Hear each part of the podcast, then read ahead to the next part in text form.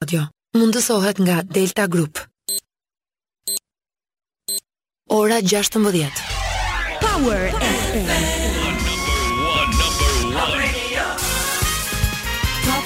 Flash në Top Albania Radio. Informacionet kryesore të ditës.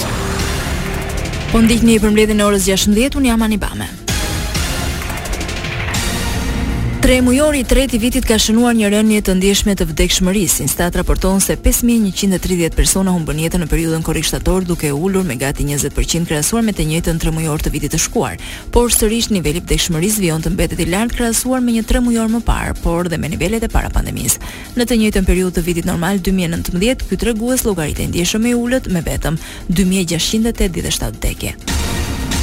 Hakerat iranianë kanë publikuar të tjera të dhëna sensitive në llogarinë e Homeland Justice në Telegram. Këtë herë viktimë e hakerave është korrespondenca elektronike e kreut të SHISH Helidon Bendo.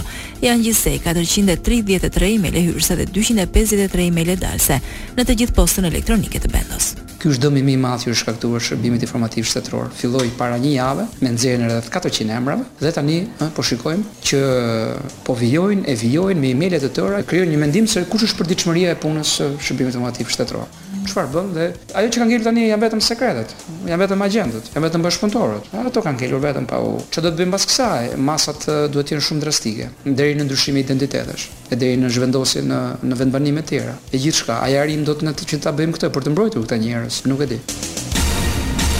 Ministrja e Infrastrukturës Belinda Balluku miratoi sot një koncesion të ri me vlerë 320 milionë euro për zgjerimin e një rruge rreth 46 kilometra të gjatë dhe që është ekzistuese. Fituesi pritet të shfrytëzojë rrugën për 35 vjet, duke vendosur edhe një pagesë. Por kostot e vërteta do jenë shumë më të mëdha duke marrë, duke pasur parasysh interesat.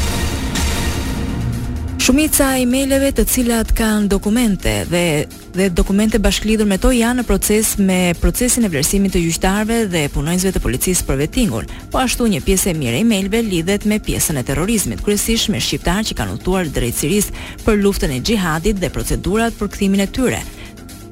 Duhet të jemi shumë ambiciozë edhe shumë më kërkues ndaj Bashkimit Europian dhe nuk mund të mjaftohemi dhe as të aq më pak gëzohemi me këtë hap, i cili është një hap i madh, është një hap gjysmak, po të shikojmë se çfarë kemi nevojë, Dhe jo vetëm se çfarë mund të marrim, po se çfarë mund të japim.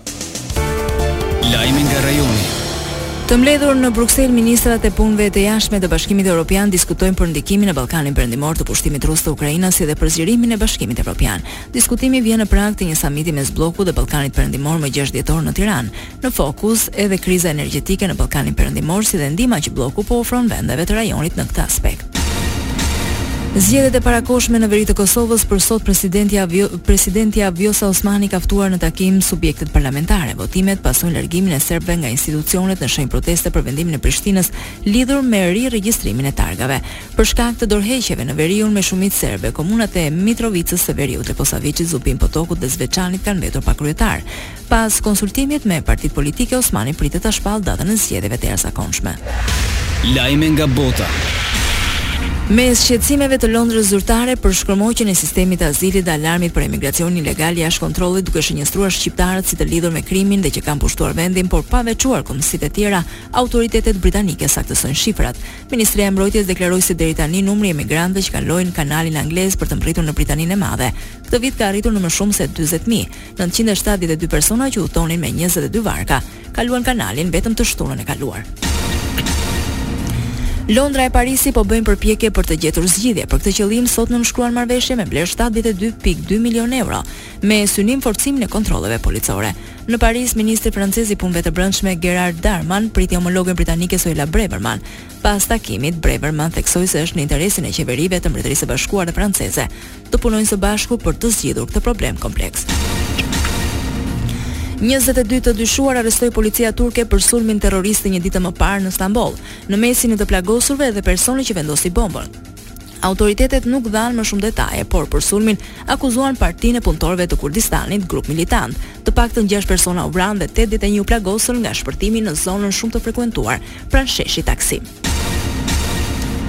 Ukraina përballet me muaj të vështirë përpara dhe kapaciteti ushtarak i Rusisë nuk duhet të nënvlerësohet, tha sekretari i përgjithshëm i NATO-s Jens Stoltenberg. Ai e vlerësoi guximin e jashtëzakonshëm të forcave të Ukrainës, të cilët rikthyen kontrollin mbi rajonin e Hersonit dhe tha se mbështetja ndërkombëtare për Kievin duhet të vazhdojë.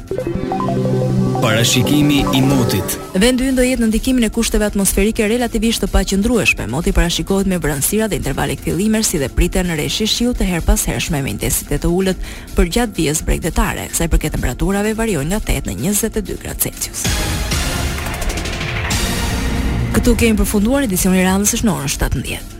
Kjo është Top Albania Radio.